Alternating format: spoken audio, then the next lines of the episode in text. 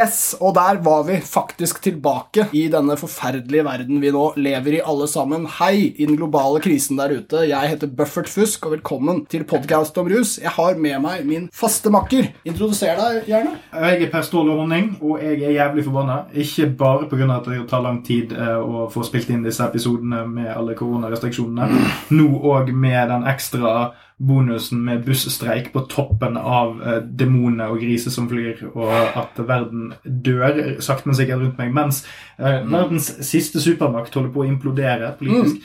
Eh, og egentlig bare dette, denne jeg, kokende, eitrende forbanna av at mens vi har hatt eh, pause pga. koronaen, så har liksom hvert eneste jævla oppsop av eh, DC og Å-kjendiser begynt å podkaste igjen. Så nå bare mettes dette allerede overmette markedet med masse folk som ikke egentlig har noe å si, men egentlig bare skal promotere et eller annet sånn piss-brand som Å, kokeboken jeg lagde sammen med Hank von Helvete. Ja, ikke Grill pølse på den mest motbydelige måten Ass. av en scient- scientologoppskrift. Og jeg er så sint, jeg er så sint, og derfor er det godt å liksom komme og liksom omsider få spilt inn noe. Omsider få satt av litt tid. Kanskje klare å traumatisere noen unge midt oppi det hele.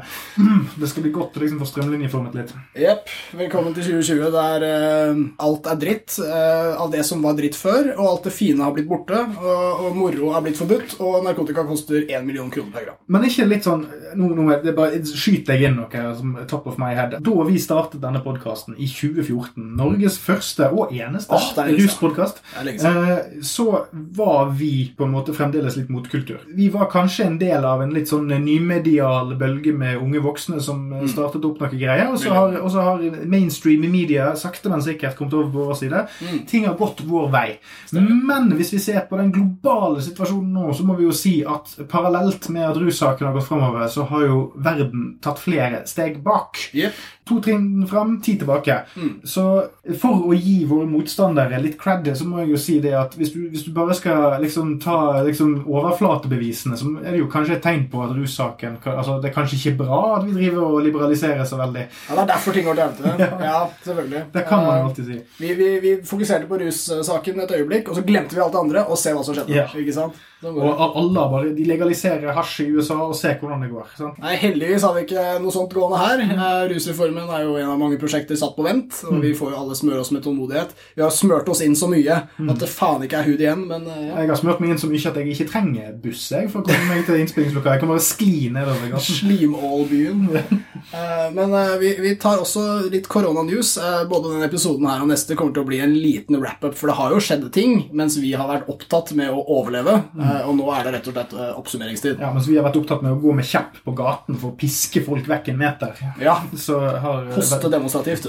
Ja, så det, det er jo også det at altså, det, har ikke skjedd, altså, det har skjedd mye rusrelatert i denne perioden, men det, det- skjer, men det skjer ikke like umiddelbart som det gjorde før. Det er ikke like mange sånne mm, saker. Men jeg tenker vi har fremdeles godt materiale til å komme oss frem. Nå skal vi prøve så godt vi kan å kjøre litt mer eh, regulær basis fram til jul, dersom det lar seg gjøre. Yep. Med forbehold, men vi skal prøve så godt vi kan. Yes. Og jeg er jævlig klar. Så- Yes, og velkommen til nok et comeback, kjære lyttere. Velkommen til nye lyttere fra Facebook, og velkommen til alle haters, som vi alltids har. Veldig godt å ha dere med oss. Ja, for vi er ekstremt dårlige på promotering på nett, egentlig. Vi har bare grodd oss fast i en sånn Twitter-sfære, og så tror jeg det er litt sånn word of mouth som går litt sånn ut i Bygde-Norge og sånn. Vi har, vi har en Facebook-side som det er mulig å like. Det er podkast om rus. Bare søk oss opp. Jeg har blitt banna, så jeg kan ikke Ja, ok. ja, Jeg kommer tilbake. Ja, du, du, må ikke, du må ikke skrive så mange sånn 'neger betyr svart på svart spanske innlegg. Det er ikke det jeg har gjort. Jeg skal bare løye ut påstanden.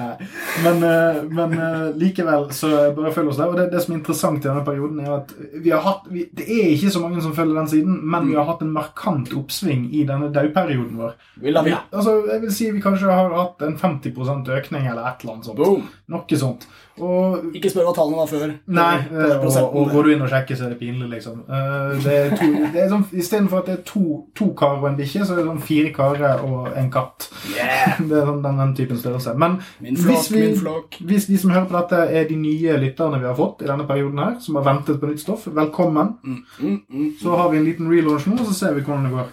Det har vi, og vi skal rett til koronanews punkt 1. Vi gidder ikke å ta absolutt alt om at det ble krise, og at hierarkiet for narkobrukere ble veldig synlig i at de på bunnen fikk svi eh, i form av pris og, og, vold og det hele. Men det vi tar tak i, det er at eh, Riksadvokaten i Norge, som ikke lenger heter Tor Axel Busch, eh, han har sendt ut et direktiv til politiet. Det kom i utgangspunktet i mars, og det handlet om at politiet kan bruke påtaleunnlatelse i mindre narkotikasaker. Yes. Det var det første skrivet som kom. Etter hvert ble 'kan' endret til 'skal'. Mm. Det var etter at politifolk hadde uttrykt at eh, dette liker vi ikke å høre, vil ikke følge det.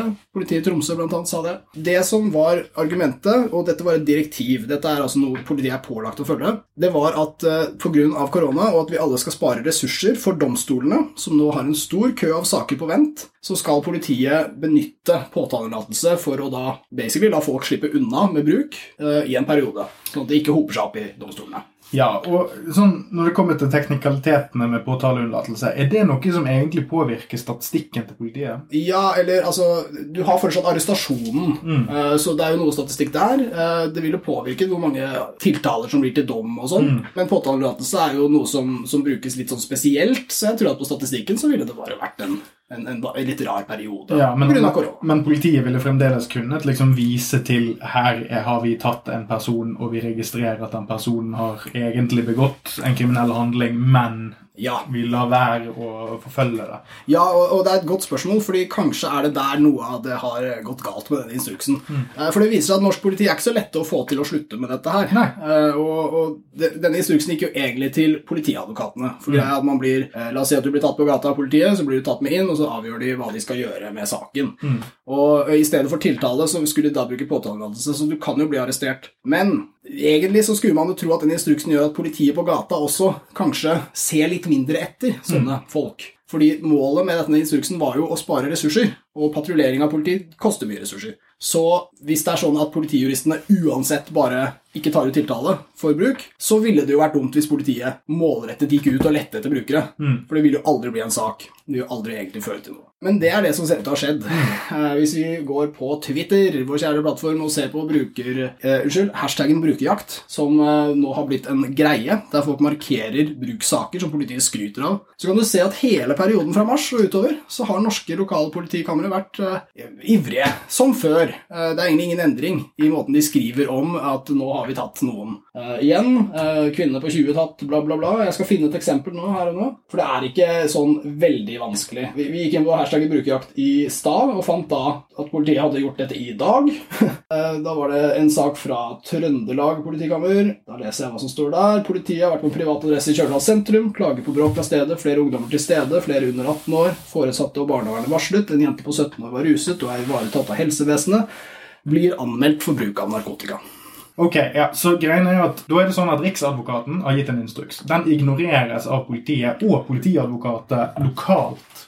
Ja, altså, det, det er litt vanskelig å si. Eh, Du stiller bra spørsmål her. Altså, fordi Det jeg har basert meg på her, det er jo det politiet skriver på Twitter. Det som skrives om der, er uh, patruljene. Altså hva som skjer under arrestasjonen. Hvilken sak som dukker opp. Det er på en måte det som har offentlig interesse. Hva som skjer med saken etterpå, det får vi ikke vite. Uh, Så vi vet egentlig bare mest om hva politiet snubler over. Men de snubler veldig mye over disse brukerne, eh, og det gjorde de også før. Men det er eh, vanskelig å si om de får påtalelatelse eller ikke. I, den tweeten som ble lest opp nå, så er det interessant å merke seg at det er en slags trist sak. Flott at hun, 17-åringen, var ruset, og ivaretatt av helsevesenet, men likevel så blir hun altså anmeldt. En anmeldelse som, hvis vi tror instruksen rett, eh, skulle blitt henlagt automatisk. Ja. Men så var denne instruksen egentlig bare holdbar til juni, og litt uklart hva som har skjedd siden da. Ja, så det, det vi egentlig ikke vet, er i hvor stor grad de fortsetter å opprettholde på en måte straffenivået og presset fra før koronaen traff. Ja. egentlig. Den tanke som slår meg umiddelbart, er jo at det òg er en viss mulighet for at politiet nå, når det er et annet kriminalitetsbilde Det er vanskeligere Det har jo blitt snakket om med skolestenging og barnehagestenging og sånne ting, at det nå er vanskeligere å holde eh, oversikt på eh, vold i hjemmet og mange sånne ting pga. at nå har ikke du de vanlige rapporteringskanalene. Nå har jo det blitt lettet litt med at skolene har blitt gjenåpnet og sånn, Men eh, det er fremdeles restriksjoner på utelivet. De er, I hvert fall i Oslo er de nødt til å stenge klokken tolv. Tolv. Det som er regelen. Det er flere steder jeg har sett som stenger allerede ti.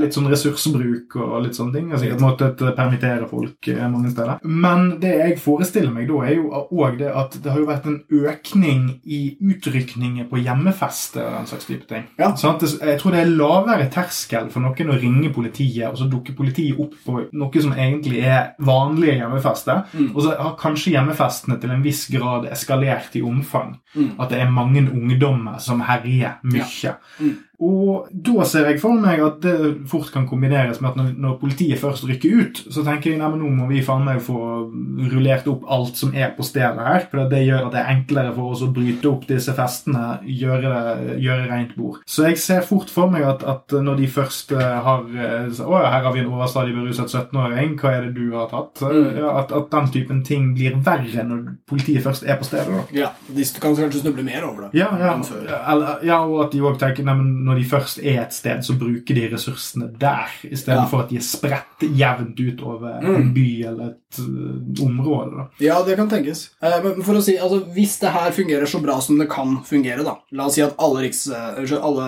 uh, politiadvokater i landet tar til seg denne, dette direktivet, i hvert fall i perioden skal det gjaldt, eh, og, og dermed på måte alle brukte påtaletillatelse. La oss si det. Vel, Det er veldig bra, for da er mye av direktivet innfridd. Altså, Målet var å frigjøre ressurser for domstolene. Men vi vet jo allerede om en annen problemstilling om ressursene til politiet i forbindelse med etterforskning og patruljering. Eh, Og, og hvis det er slik at eh, politijuristene følger en annen instruks enn de som patruljerer, så har vi i så fall et problem. Og jeg, jeg skjønner ikke helt hva som skal til for at norsk politi skal oppdage narkotika og faktisk drite i det. Fordi det er egentlig det Riksadvokaten sterkt hinter om. Eh, Og jeg vet også at det skjer. Altså Jeg vet om mange tilfeller i Oslo der politiet har kommet over mindre mengder med mildere narkotika, små mengder hasj, sånne ting, og så har de sagt eh, nå er du forvist, dette er beslaglagt, kom deg vekk, eh, sånne ting. Og det er en løsning, det òg. Hvis du virkelig ikke liker bruk, så kan du bare hindre dem i å bruke ved å ta det fra dem. Men, men denne anmeldelsen som alltid må med, alt det der tullet der, det er jo akkurat det som tar opp ressurser. Og nå er vi i en periode hvor alle skal spare. Og det fremstår ut fra Twitter-innsatsen til politiet som om de ivrig viser at de ikke vil spare penger på dette her. Ja, og så er det òg Tankene mine går litt til eh, disse her eh, jævla politiopptøyene borte i statene. Fordi eh, en diskusjon jeg har hatt med ganske mange forskjellige personer i løpet av de siste månedene om f.eks. George Floyd-demonstrasjonene og sånne ting, Mm. der popper det veldig fort opp denne forskjellen mellom eh, norske tilstander og amerikanske. Så nå, skal ikke, nå er jo vi en ruspodkast, så vi skal ikke gå så veldig mye inn i liksom sånn eh, raseproblematikk i USA. Men en ting som fort popper opp, er at eh, sant, altså vi, har, vi har jo hatt flere demonstrasjoner i Norge nå der vi har folk uttaler at ja, men her importerer vi problematikk fra utlandet, og da, bla, bla, bla, bla, bla. Og så legger man eh, skylden på de som faktisk demonstrerer for å gjøre samfunnet bedre. Si hva du vil om de, men de er, protesterer i hvert fall mot rasisme, f.eks. Eh, det man fort glemmer, er jo at om noe har blitt importert fra USA til Norge, så er jo det òg gjeldende for politiet. Det jeg tror norsk politi er ganske flinke på, og er ganske like sine amerikanske fettere, om ikke det er på voldsbruk og sånn, så er det denne tanken om at det er de som har peiling. Det er de som står i skyttergravene, det er de som vet hvordan ting egentlig er. Og da tror jeg òg det er jævlig vanskelig å komme med kritikk av måten de oppfører seg på ute i befolkningen, uten at du får en sånn metadebatt av der politiet føler seg litt snurt over å få kritikk, og bare avfeie ting i vekt av sin posisjon og autoritet. Og det tror jeg er et problem sånn her. For at nå når vi kritiserer dette her, hvis du hadde sagt det til en politimann, så ville han sikkert ha sagt hva, hva skulle vi gjort da? Her skal vi bare la det gå? Er er ikke det en krise? sant? Altså, En ting man merker ja.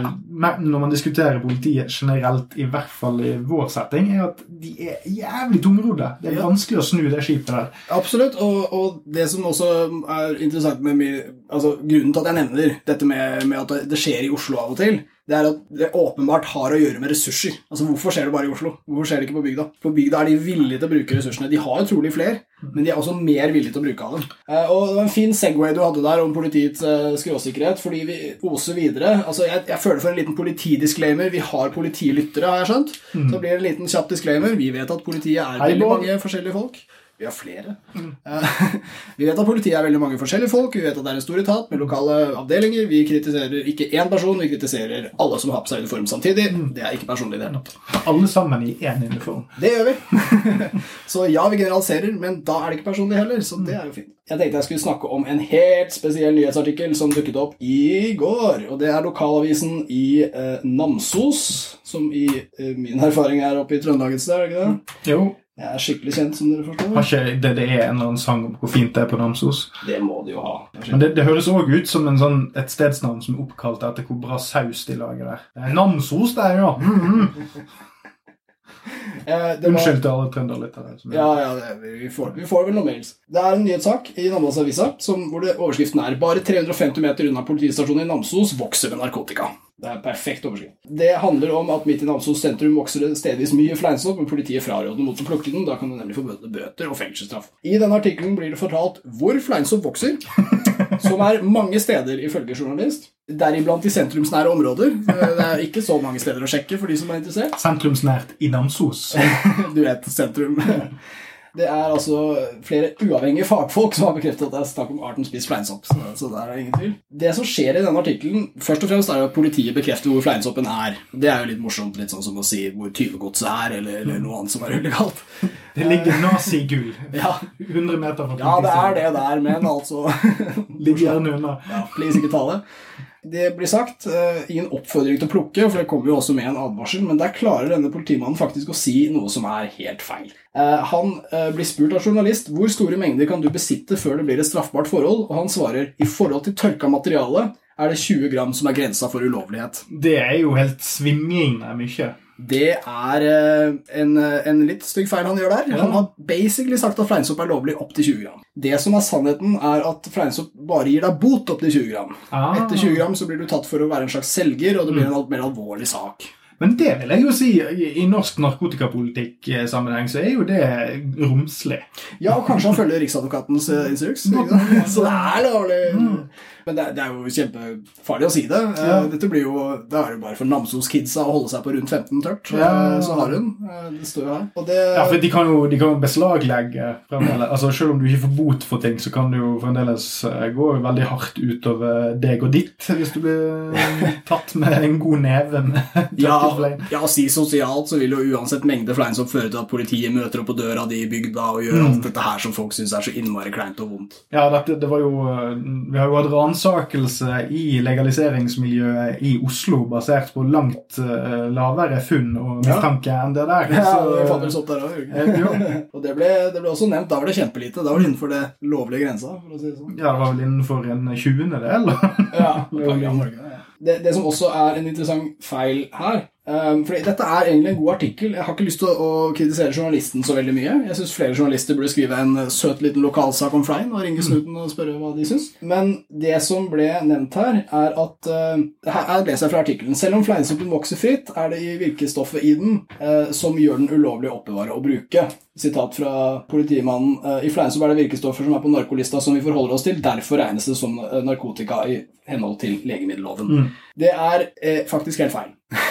Før så var det ikke forbudt med fleinsopp, det var bare forbudt med virkestoffet psilocybin. Da var det rettsprosesser jeg tror kanskje dette var på 70-80-tallet en gang, eh, hvor folk slapp unna med det Mm. staten tok det til retten. Fordi de hadde bare plukka en sopp. Ja. Hvordan skulle de på en måte ta ansvar for alle stoffer som var inni der? Nei, da kunne du ikke plukke et eh, fluesopp. Ja, ikke sant? Plutselig er det ene stoffet i kantarell forbudt. og Bare, ups, fikk ikke med meg det. Det som, er, eh, det som må få oss med her, bare sånn at historien blir kjent, det er at de forbød først bare psilocybin. Det fungerte ikke for å stoppe fleinplukkere, så da puttet de hele soppen på narkotikalista for å forby psilocybin. Så Ja. egentlig er dette motsatt. De har vært så ivrige på å ta nettopp plukkerne, nettopp brukerne, at de har satt hele den viltvoksende soppen på en liste ved siden av syntetiske stoffer som LSD og 2CP og Ja. Amfetamin. Så dette er, eh, er en eh, litt sånn skjønnmaling av en ellers veldig dramatisk krig. Mm. Ja, for det er egentlig den eneste organiske, psykedeliske varianten som er aktuell i Norge. Det er egentlig ingenting annet som er det det finnes- Altså, det fins flere arter som har psilocybin psilocybin og psilocin, men, men ingen av dem er noe særlig sterke, så folk plukker stort sett bare den ene. Nei, nei, men, men bortsett fra det så er ikke det norske markedet egentlig Det, det har ikke flere organisk eh, fremvoksende Sånn viltvoksende Nei, nei. Nei, fluesopp, Nei, kanskje? Nei, ja, nei, det ikke det. så det, du har rød fluesopp, psilocybin, og så har du ikke peyote eller, eller Nei. sånn eh, psilocybintrøfler eller DMT, nei. Nei, Nei. ingenting. Nei, så det er, jo, det, er litt, det er jo litt interessant, da. Også, men, men så er det jo òg morsomt Jeg bare kom på det nå mens du snakket om det, at Mm. til sammenligning med andre ting som kan dyrkes, så er det jo litt artig. For at det her, her er man jo litt praktisk. fordi at hvis man skulle forfulgt dette på samme måte som med f.eks. dyrking, eller at man kan finne cannabisplanter på en eiendom, Mm. eh, så kan man ikke forfølge det på den samme måten, for da ville hver eneste sauebonde i hele landet blitt hanket inn for retten for, for at det var ulovlig materiale på eiendommen deres. Ja, Så her er man jo òg litt eh, pragmatisk. Ja, ja, man er det. altså. Og det er også grunn til å tro at politiet ikke prioriterer dette i noen særlig grad. Og da mener jeg altså, Det fins trolig politifolk som, som, som er eh, veldig med i NMPF, eller whatever, som er ivrig på det. Men det blir, det blir enkelttilfeller. Eh, når det kommer til ressursbruk, og sånne ting, så kan vi anta at det er veldig lavt prioritert. Men når det er sagt, så, så er det ingen grunn til å tro at, at det tolereres av politiet.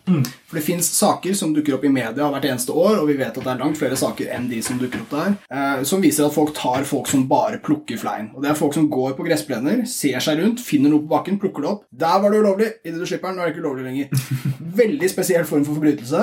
Eh, jeg har møtt mange folk eh, la oss si, utenfor rusverden som reagerer veldig sterkt når de hører dette her. Eh, fordi de assosierer kriminalitet med narkotika til bakmenn, mafia, alle brukere støtter noe kjipt med penga sine. Dette er problemet. ikke sant? Men når du da plukker det fra ingen mafia oppe på, i, bygda på gressplenen, så er problemet egentlig løst. Da er det ikke noen grunn til å straffe dem, mener enkelte folk jeg har snakket med. Og det poenget er bra. Jo, men det, det tror jeg du kunne fått eh, veldig mange hardlinere med på, egentlig. Fordi, Ja, ja. Det, fordi det er Det er spesielt. Jo, for det, men og fordi at man over tid har fått en slags sånn sammensausing av virkemiddel og tilrettelegging, holdt jeg på å si. Sant? At, Ja. at, at det folk gjør, altså det at man har lyst til å ruse seg på et eller annet, er uløselig knyttet til vold og faenskap og krim. Men med en gang du begynner å snakke om sånn, sånn fjellfolk i Sør-Amerika som tygger kokablad, og sånn, så er de plutselig mye mer sånn Ja, men det er jo Det skjønner jeg jo. At de Ja. ikke har lyst til å være kvalm fordi de er høyt oppe. Sant? Altså det,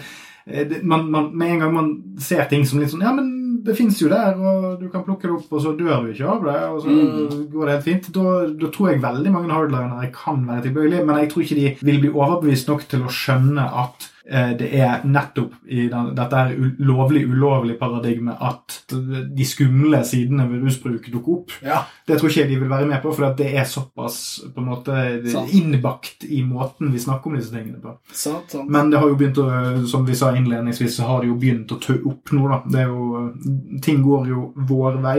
Det, det syns jeg. Men, men vi må ta med det her. altså Med en gang det er snakk om at norsk politi skal eh, tolerere noe i større grad, eller, eller har en eller annen type narkotika, da, som i dette tilfellet som ikke er like ille som den andre La oss si at politiet kanskje er litt med på at amfetamin som importeres fra mafiaen, er verre da, enn en flein. Men det, det vi må ta med i Norge, da, det er den lille, lille bonusen, den lille twisten som følger med lovverket vårt, og det er dette med førerkort. Fordi eh, det som eh, er med førerkort og beslaglegging av det, er jo det som heter edruelighetsparagrafene i veitrafikkloven. De er basert på en skjønnsvurdering av en menneskets edruelighet. Så det handler om en subjektiv vurdering av din subjektive person, hvordan du lever i forhold til rus, om det er forenlig med rollen som sjåfør. Der vet vi at eh, alkohol skal vurderes likt som de andre. Eh, og det er bra i den forstand, fordi hvis du først skal vurdere rus som helhet, så må du med. Men politiet vet mer om alkohol. Eh, Så vi, vet, vi kan jo anta at hvis en person som drikker for ofte skal vurderes, så vil politiet ha mer kunnskap om alkohol og vurdere det derfor bedre. Vi prøvde å få ut av politiet noen debatter husker jeg på NRK, så kom de jo fram til at uh, hvis folk røyker hasj, så mener politiet noe sånt at hvis du gjør det mer enn sånn fire ganger i året eller noe sånt, hver tredje måned, det er litt for ofte. Da kan ikke du ha førerkort. Uh, Sånn som er en helt vill grense, selvfølgelig. Men hva med fleinsopp? ikke sant? Altså, Politiet vet sikkert ingenting om dette her. Nei, Hvis du forteller dem i avhør, da det er, Jeg tar fleinsopp uh, eh, seks ganger i året, annenhver måned. De kommer til å ta førerkortet fra deg. Fra en person som absolutt aldri kjører rusa, som, som kanskje bruker det veldig forsvarlig, og fordi de ikke veit en dritt om det. Og, så, og sånn helt uavhengig av hvor bra det er for psyken din å gjøre dette, så kan du jo ta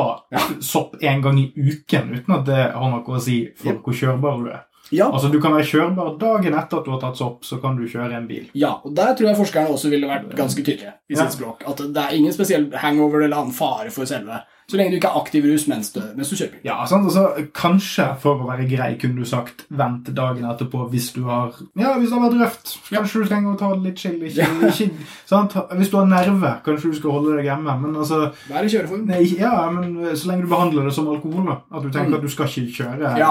for Legge inn en buffer med tid. Ja, Ja, legge inn 12-24 timer bare sånn for å være trygg. Ikke Hvis sant? du har lyst til det.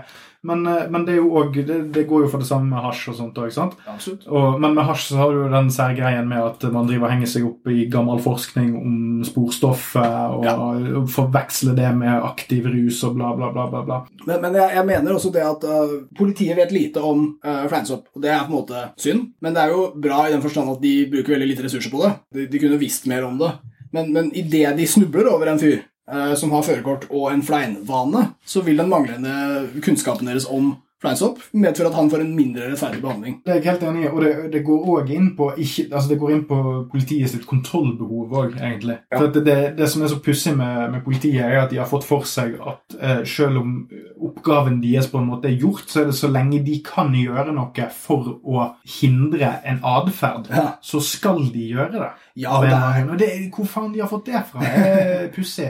ja, og det er, det er noe maktkritisk i seg selv ved å ta narkotika. Ja. Ja, og jeg vil også, akkurat her må jeg liksom frikjenne norsk politi litt, bare fordi de ikke har sagt noe dritt om det. Men, men vi vet jo også at LSD og, og sopp og de psykedeliske stoffene det er liksom de mest maktkritiske. Altså, de prøvde å bruke dem til soldater og sånne ting på 60-tallet og fant ut at det funka veldig veldig dårlig. Det var omtrent det dårligste de kunne gi en soldat. For autoritet funker ikke lenger. Det blir helt flat struktur. Altså, om, om du skulle brukt det i krig, så måtte du fått det liksom i drikkevarene til motstanderen, så Ja. de ble mer maktkritiske. Ja, hadde lyst til å og selv da så kan det bli mer kaos fordi klikker og sånn. eh, Så, så det, det funka ikke. Men det, det som er, eh, er verdt å få med seg der, er at liksom, f.eks. militæret er basert på autoritet og struktur og ordre. Du følger Mm. ordren fordi han er over deg. Og så tar soldaten LSD, og så er ingen over noen, og så streiker hele hæren, og så går det til helvete. Så, så det er, eh, Norsk politi har ikke ytret på noen vis at eh, fleinsopp er spesielt skummelt fordi man blir en raddis av det. Men vi vet at det fins en, en tolkning altså, av det i USA, f.eks. Ja, altså Den tolkningen, om ikke for fleinsopp, så er jo den eh, det eksisterende i det norske politiet òg, når de kommer med disse her eh, lamme uttalelsene sine om, om at norsk ungdom er mindre kritisk, og altså legaliseringsbevegelsen før, eh, har ført med seg at eh, flere ungdom prøver narkotika, og, og at det og så bare, og så bare, Les på internett. Ja, og så, så bare antyder de til at det har en eller annen slags ringvirkning for samfunnet, men så tør de aldri helt å si hva den negative ringvirkningen er. For at det er ikke de kompetente til. Og det er jo med rette, det er jo sant. De kan ikke kommentere det. Ja, men, de tenkte at de venter fem år, og så kommer ikke tallene likevel. nei, men, men denne tanken om at det er negativt at eh, befolkningen er, ikke følge ordre Ja, Og ordrene er jo i de norske lovene. Vi, har, vi har lover. Hvis ikke du følger den loven, så er du en avviker. Mm. Og er du en avviker, så er det min rolle som politibetjent å gjøre noe med det. Ja. Jeg sier ikke at alle i politiet er sånn, men jeg tror det ligger med Altså, når disse tingene har blitt liggende så lenge som det har gjort, og det nå har blitt omveltninger på det ganske radikalt bare de siste ti årene, så er det veldig tungrodd og Det er en tung båt å snu, da, som jeg Ja. sa tidligere. Det er vanskelig å tenke på nye måter. Det er det. Og jeg tror norsk politi har, har veldig autoritære tradisjoner, eh, og, og fortsatt er det, men jeg tror at eh, de på mange måter er på en god retning, selv om de ikke er selvkritiske nok i forhold til den arven de bærer på der. Ja, for at, som med alt så er det det i norsk kontekst. Så når vi sier autoritært nå, så er det i forhold til resten av det norske samfunnet. Ja, det og vi, stemmer. vi, vi vil jo i denne redaksjonen si at det er dumt at de er autoritære på den måten, men selvfølgelig kunne det vært verre. Det kunne vært verre. mye. Altså, vi, Mye. ja, så, så la oss legge oss litt på den linjen der at jeg tror ikke politiet vil vondt. Og, og de har ikke en like lang og kraftig voldstradisjon som veldig mange andre politietater i Europa og andre deler av verden har. Men dette ønsket om å forme befolkningen på vegne av lovverket de skal beskytte, det tror jeg de har ganske inkorporert i DNA-et sitt. Absolutt, og det er verdt for oss å nevne og berømme det litt. Jeg tror denne godviljen til å informere, til å være Altså, Politiet har jo via narkokrigen fått mye av ansvaret til sosialarbeidere. Altså, egentlig så var det de som skulle snakke til ungdom om rus, og ikke de som driver og straffer dem. Eh, Men, men da har også politiet omfavnet det litt. Det kan være noe av grunnen til at det står en politimann og snakker med Namdalsavisen og forteller dem ja, det stemmer at det er fleinsopp på alle disse plenene overalt. Han prøver å være grei, han prøver å informere, og sånn sett mener jeg at han gjør alt rett. Helt til han sier at opptil 20 gram fleinsopp er lovlig. Eh, det var ikke så lurt. Men nå skal vi la politiet ligge, for de er jo tross alt snille innerst inne. Vi skal, for å, for å ha en liten Segway her, så er det moral vi krangler om, som alltid her på Podcast om rus. Når det Mm. Og det er jo veldig nice. Ja, det er det niceste å angripe andre folks moral. Eh, systematisk moral tenker jeg vi er mest opptatt av, og uh, det er en sak uh, vi, vi har gledet oss til å nevne litt. Grann. Koronaens første offer, kanskje. Koronaen ble spikeren i kista for den institusjonen som skal, skal få litt PR nå. Nå er ikke det noe problem, fordi den er jo borte. Men det er en strippeklubb i Bergen. Det pågår nemlig en uh, kamp der, eller pågikk, fordi korona tok livet av denne strippeklubben. Rest in peace. Men det var altså eh, grunnen til at vi snakker om det på Podcast om rus, det er fordi at denne strippeklubben i Bergen After Dark. After Dark het de. De har rett og slett blitt eh, underlagt eh, en viss grad av sensur. De har mistet skjenkebevilgningen gang på gang, og begrunnelsene som har blitt lagt til grunn da, det har vært at det har vært dårlige arbeidsforhold. Det har vært at det ikke passer seg i denne byen, det er ikke sømmelig, sånne ting. Men dette har jo ikke noe med alkoholservering å gjøre. Så man bruker rett og slett alkoholloven for å beskytte samfunnet mot tits, hvis jeg skal være litt harry. Uansett så er det stilig hvordan hvis vi trenger et moralsk alibi for å si 'ikke i vår by', så er det jammen ruslovverket vi benytter. Ja, og så bruker de gjerne det da for imot, seg, altså Man tenker at man kan godt ruse seg, men man skal ikke, man skal ikke være i nærheten av nakne damer mens man gjør det. eh, Ja. Og, og la meg nå bare komme med en kommentar sånn generelt. Altså Det at lokalpolitikere i Bergen kommune har fått det for seg at byen de sin, den skal jo med meg ikke ha sånne syndens bule der man kan se nakne damer, det syns jeg er veldig, veldig rart. Jeg synes også det. Som en person som har til tide bodd og oppholdt meg mer eller mindre ufrivillig i Bergen kommune, så er det ingenting med den byen der som trekkes verken opp eller ned av at noen kan gå og være litt kåt mens de ser noen danse. Ja. Det, det, om, om noe så vil jeg si at det gjør byen et fnugg mer sjarmerende, for da har du noe som er liksom mellom denne her bunnløse tristessen med at det regner og folk er suicidale, og denne her sinnssyke bananrepublikk-hyllingen man har av denne byen der det regner mye, og, og bare fordi at den er mellom noen fjell. Eh, så det er så rart at folk har blitt så jævla konservative på dette her. Der, det, det, er jo, det er jo, altså Bergen er Norges nest største by, og de vet det så jævlig godt, så hvorfor klarer de ikke å late som at de er mer sånn stormetropolaktige, at de liksom lar dette her skure og gå? Ja, altså, jeg, jeg er så enig. og det er, eh, Argumentet handler liksom om den ene strømklubben. Eh, og dette er en stor by. Ikke sant? Og jeg må jo bare vi må ta med det poenget om at uh, altså, Oslo er den største byen. Vet ikke om dere har fått med dere det, lyttere. Men det er altså, jeg tror vi har to strippeklubber. eller noe sånt. Kanskje Eh, tre. kanskje tre. Og poenget er at de er ikke attraktive for de lokale. De, de brukes av ensomme mennesker. Uh, utdrikningslag og sånne køddegrupper av folk. turister. Nordlendinger. Ja, nettopp. Eh, Og på en måte alt, mulig rask. Folk som har 10 000 i lomma, som brenner, som de må bruke opp samme kveld, de drar innom. Dette er en nisje, det er kjemperart, og det er en storbyting. Det som er mer rart, er å komme til en storby hvor det er null strippeklubber. Det er rart! Og den argumentasjonen som Bergen lot til grunn altså, Dette var en sak som pågikk over mange år. I 2016 tok de skjenkebevilgningen fra de tok fra den i Bergen i 2016, og så innførte han en, Han delte lokalet i to. Stripping der og drikking der, og så gardin imellom. Så var det lovlig igjen. 2019 så tok de det fra ham igjen. Og da brukte de argumentasjon i Bergen fra Sandnes, der de hadde strippeklubben Money Talks, som de fikk stengt. Da fikk de gjennomslag i Gulating lagmannsrett med en formulering så, at en begrunnelse som var at konseptet var uforenlig med kommunens omdømme og likestillingsprofil, og uheldig for barn og unges opplevelse av bylivet. Og jeg syns den formuleringen suger, jeg må bare si det. Og at lagmannsretten legger det her til grunn, det, det er å åpne for en komplett moralsk sensur. Om det her gjelder stripping eller stygge mennesker eller hva som Du kan forby alt med dette her. Ja, det jeg syns det er ganske Det er faktisk ikke en eneste ting du ikke kan appellere til den allmenne moralen i Ja, byen. ja, Det står ingenting om sex og ingenting om pupp og utnytting av kvinner. Det står om likestillingsprofilen til byen. Der kunne du putta masse rart inni. ass. Og Ja. Omdømmet til kommunen. ikke sant? Hva, hva, med, hva med skitt, eksempel? Hva med ting som lukter vondt? Det kan vi ikke ha i vår by. Ja, så Da burde jo Bergen kommune forby det her fisketorget deres. Når Endelig banna det. Endelig. noen kommer inn til byen vår, så skal det første være de blir møtt med fiskeslo. Hæ? Skal du det? Gå rett av skipet, og så Jeg er så dårlig den dialekta. Jeg kan ikke. Ah. Men det er eh, jeg, jeg lener meg litt her på en knallbra eh, kommentar av Eirin Eikefjord i Bergens Tidende. Som sagt så ble jo kroken på døra for uh, After Dark i Bergen, uh, nemlig koronaen. Uh, I en rørende kommentar fra eieren, som, som, som også sto i Bergens Tidende, så skrev han om det at gjesten korona var det som knakk oss til slutt. Men Eikefjord hun skriver om Hun drar frem Sandnes kommune formuleringene og har litt gode poenger når hun spør hvordan er en klubb som åpner klokka ti på kvelden, egentlig uheldig for barn og unges opplevelse av bylivet. det kunne han sagt om alle utesteder. Ja, og, og, i den grad det er uheldig for barn og unge, så er det jo fordi at noen voksne folk gjør de oppmerksom på at strippeklubber eksisterer i utgangspunktet. Og hvordan ja. gjør du de oppmerksom på det? Jo, du skriver eh, sinte innlegg i Bergens Tidende ja.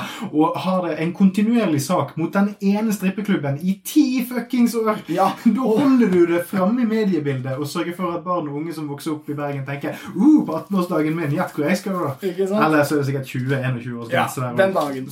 Men, men jævlig bra poeng. Og det ble også fremhevet av daglig leder på strippeklubben i denne kommentaren. Det han sa, det var jo at 'tusen takk for all den gratis reklamen' fra det han kaller de venstre radikale i Bergen. Det er nok ganske mye kristne også. Ja, det var KrF og, og SV og ja. Rødt og kanskje noen Arbeiderpartier. Ap var med, ja. ja. En allianse der. Så, så, han takket for den gratis reklamen, og så sa han også at uh, siden debatten har pågått lenge, så har han kunnet levere sterke tall over flere år, og dermed understreke at det er, at det er et marked for dette i Bergen. Ja. og det, takket være deres reklame har de befestet mm. uh, denne posisjonen. Og så er det en ting jeg må bare si, for jeg glemmer det. For det er jo også det at alle strippeklubber så er man redd for prostitusjon og sexarbeid. Ja. Det er jo det man er redd for at skal foregå bak, bak i disse båsene. Ja. Og, det er det Men han, altså, denne klubben her, tror du ikke de har hatt politiet sitt søkelys på seg fra dag én? Tror ikke det har vært et enormt politisk press på å ta han fyren her for noe som helst? Ja, det er poenget. fordi altså, de, de, stedene hvor det skjer, så bruker de vel kanskje det litt som, sånn, som eh, et cover. Yeah. At det er strippeklubb, men egentlig er det bordell. Yeah. Det er ikke så lett når du er den første i byen. Nei, og den eneste, og du har hele bystyret på nakken. De bergenserne som var mot, de hang opp wanted-plakater av mm. daglig leder. Altså ansiktet hans, og bare rundt om i byen som en sånn etter ettersøkt. Og i Ville Vesten så pleide de å drepe de kara som, de, som de fikk tak i sånn. Det var personjakt på et interessant plan. Ja, og så, må jeg jo bare legge til sånn Jeg liker ikke strippeklubber. Ikke er det. Det er weird shit. De ytterst få gangene jeg har vært i nærheten av et sånt lokale, så har jeg følt meg veldig brydd over hele opplegget. Ikke nødvendigvis ikke nød, La folk gjerne kle av seg for penger. Mm. Det må folk få lov til å bestemme sjøl det jeg egentlig har tenkt er, Dette burde kunne ordnes i litt, litt mer ålreite former for alle involverte. Men ja. det har ikke nødvendigvis Det har mer med denne, denne presseffekten med at det er bare mm. litt lugubre gubber som får lov til å holde på med dette. Fordi ja. at folk driver og sier og er redd for ja, absolutt. barna sine og drit. Bra poeng. Jeg skjønner at man ikke vil allmenngjøre det, men jeg tror vi er ganske langt unna det også. Mm. Å være på en strippeklubb er å liksom være omringet av dyktige kvinnelige uh, entertainere, eller hva jeg skal kalle dem. De er kjempeflinke i dette faget, hvor de driver og lurer deg til å tro at de vil ligge med deg. Og sånne ting. Og da er de omringet av voldelige menn som, som, som skriker og krever og, og sier at du må bruke masse penger. Og det, er, det er som en verdens jævligste fritidsklubb. Hvor, på en måte alt du ønsker deg, er der, men du får det ikke. Nei. Og nå må du betale, og du får det fortsatt ikke. Uh, dette er liksom det er så marginalt og det er så nisje, og, og, det er en grunn til at vi som bor i Oslo, har tilgang til strippeklubb, men nesten aldri har vært der. Ja, det er bare ikke så jævla spennende. Det er sånn, Oslo kommune er proppfull av ulike kollegium på arbeidsplasser mm. der, som har et sånt kollektivt traume fordi at én fyr insisterte på å dra med seg alle karene med seg på strippeklubb etter en lønningspils en gang, og nå klarer de ikke å se hverandre i øynene lenger. Ja. At det er et eller annet som skjer når folk går inn de dørene der, og de, det er sånn du, du klarer du, du, er nødt til å spille et spill som du aldri har lært deg, og det er rett og slett uh, ikke spesielt sjarmerende. Men jeg tror at om noe, om noe så har jo disse folkene her klart, altså i, i bystyret i Bergen klart å spisse dette konseptet helt ekstremt. For jeg kan ikke se for meg, jeg, jeg kan ikke se for meg at dette stedet her har overlevd så lenge som det har gjort gjort uten at det er helt strøkent. Ja, For jeg, jeg, så, Når vi driver og leser dette, så er det sånn om jeg skulle gått på en strippeklubb i Norge, så ville det jo vært den. Ja, Den med mest kontroll. Ja, ja ikke noe styr. Ja, sånn, å, ja, hvis du skal drikke øl, så er det der inne. Hvis du skal se på nakne damer inn i det andre rommet. Det regner med at aktørene i Oslo er mer slivrige. Men, men eh, jeg vil avslutte med, med den andre delen av argumentasjonen, fordi det var også dette med likestillingsprofil. Ja. Og den høres ikke så verst ut, fordi altså, disse stripperne er kvinner. Mm. Nå har ikke dette mannemarkedet vokst seg så veldig stort ennå. Kunne kanskje hatt en sånn 50-50-greie hvor det var like Mm. mange, men da hadde mennene vært ensomme, de nakne mennene. Men, men det, altså, det høres riktig ut at her uh, Fordi det er jo en reell greie at kvinner blir utnyttet i dette gamet, eller hva jeg skal kalle det. Men uh, Globalt sett. ja, i hvert fall globalt. Men greia er, det høres ut som en bra grunn til å banne en strippeklubb i din by. Mm. At vi skal ha en likestillingsprofil. Ikke sant? Men strippeklubb i seg selv er ikke forbudt i lovverket. Det de bruker den argumentasjonen til, er å stoppe drikking. Eh, og, og som Eikefjord skriver så pent, er det bedre for Bergens likestillingsprofil at ingen drikker mens det strippes. og den formuleringen er strålende, Eikefjord. Jo, for, Eh, og jeg, jeg vil jo også si da, for, som, for å bygge videre på den argumentasjonen der Hvis du skal bruke likestillingsprofilen til Bergen kommune for å kvele denne lille strippeklubben, så finnes det en mye mer effektiv måte å gjøre det på. Ja. Og det vil jo være å håndheve ansettelsespraksisen ansettelsespraksisen på den strippeklubben. Yep. Som da ville vært for hver kvinnelige stripper som går på scenen, så skal det være minst én mannlig. ja, nettopp. Det tror jeg ville kvelt markedet mye, mye kjappere. Den er ikke dum, altså. Nei, og, og, og, og, i hvert fall hvis, du, hvis det likestilling Hvis du bare sånn fjer- kjønn, liksom, men bare sånn kroppstype og sånt. Sant? Altså, for hver jævlig rotte så skal det være en ganske takras som står uavhengig av kjønn. Da kan stamgjestene stille opp. De skal Ja. ha bare, baregning. Ja, ja. Geir tar skiftet i dag. Da, du skal se publikum synke. Ja, Altså. ja, Ge- Geir, Geir strippe for de tolv jegershotsene forrige helg, liksom. Det, Stakkars Geir. det hadde vært litt mindre puritansk, og det hadde vært litt mer eh, prinsipielt. Og det kunne jeg stått mer inne for. Ja, og, og jeg er enig. og jeg, jeg, Alt som har av sexindustri, enten det er snakk om stripping eller porno eller bordeller, så, så dealer vi med noe som er et uh, urgammelt marked, definitivt etablert. og jeg, jeg, Det er litt sånn som med narkotika og andre onder vi ikke liker. Vi må gjerne slåss imot, vi må gjerne holde det til et minimum, men ideen om at vi kan bli kvitt det, at det blir borte, der må vi bare roe oss litt the fuck down. Når Bergen vil ha null strippeklubber i stedet for én, så tror jeg nesten de må leve med én hvis de vil være en by. Jeg rappa den opp, jeg. Ja, det gjorde du. Men da eh, ses vi om et par uker, der vi får tømt oss enda mer for oh. eh, oppsamlet dritt fra trengs. koronaperioden. Ja, dere har litt å se fram til, kjære lyttere. Det er fremdeles et par gode hotspots på eh, listen vår som kommer til å bli gjennomgått. da. Ja, yes, Vi er på deres lag. Vi trenger content, alle sammen. Og jeg vil jo da gjerne oppfordre lytterne våre til å klikke på denne episoden to ganger istedenfor en eller annen sånn her eh, greie som en eller annen sånn C-kjendis har spilt inn i boden sin. eller noe sånt. Ja. Støtt de lokale ruspreiker. Takk for oss. Takk for oss.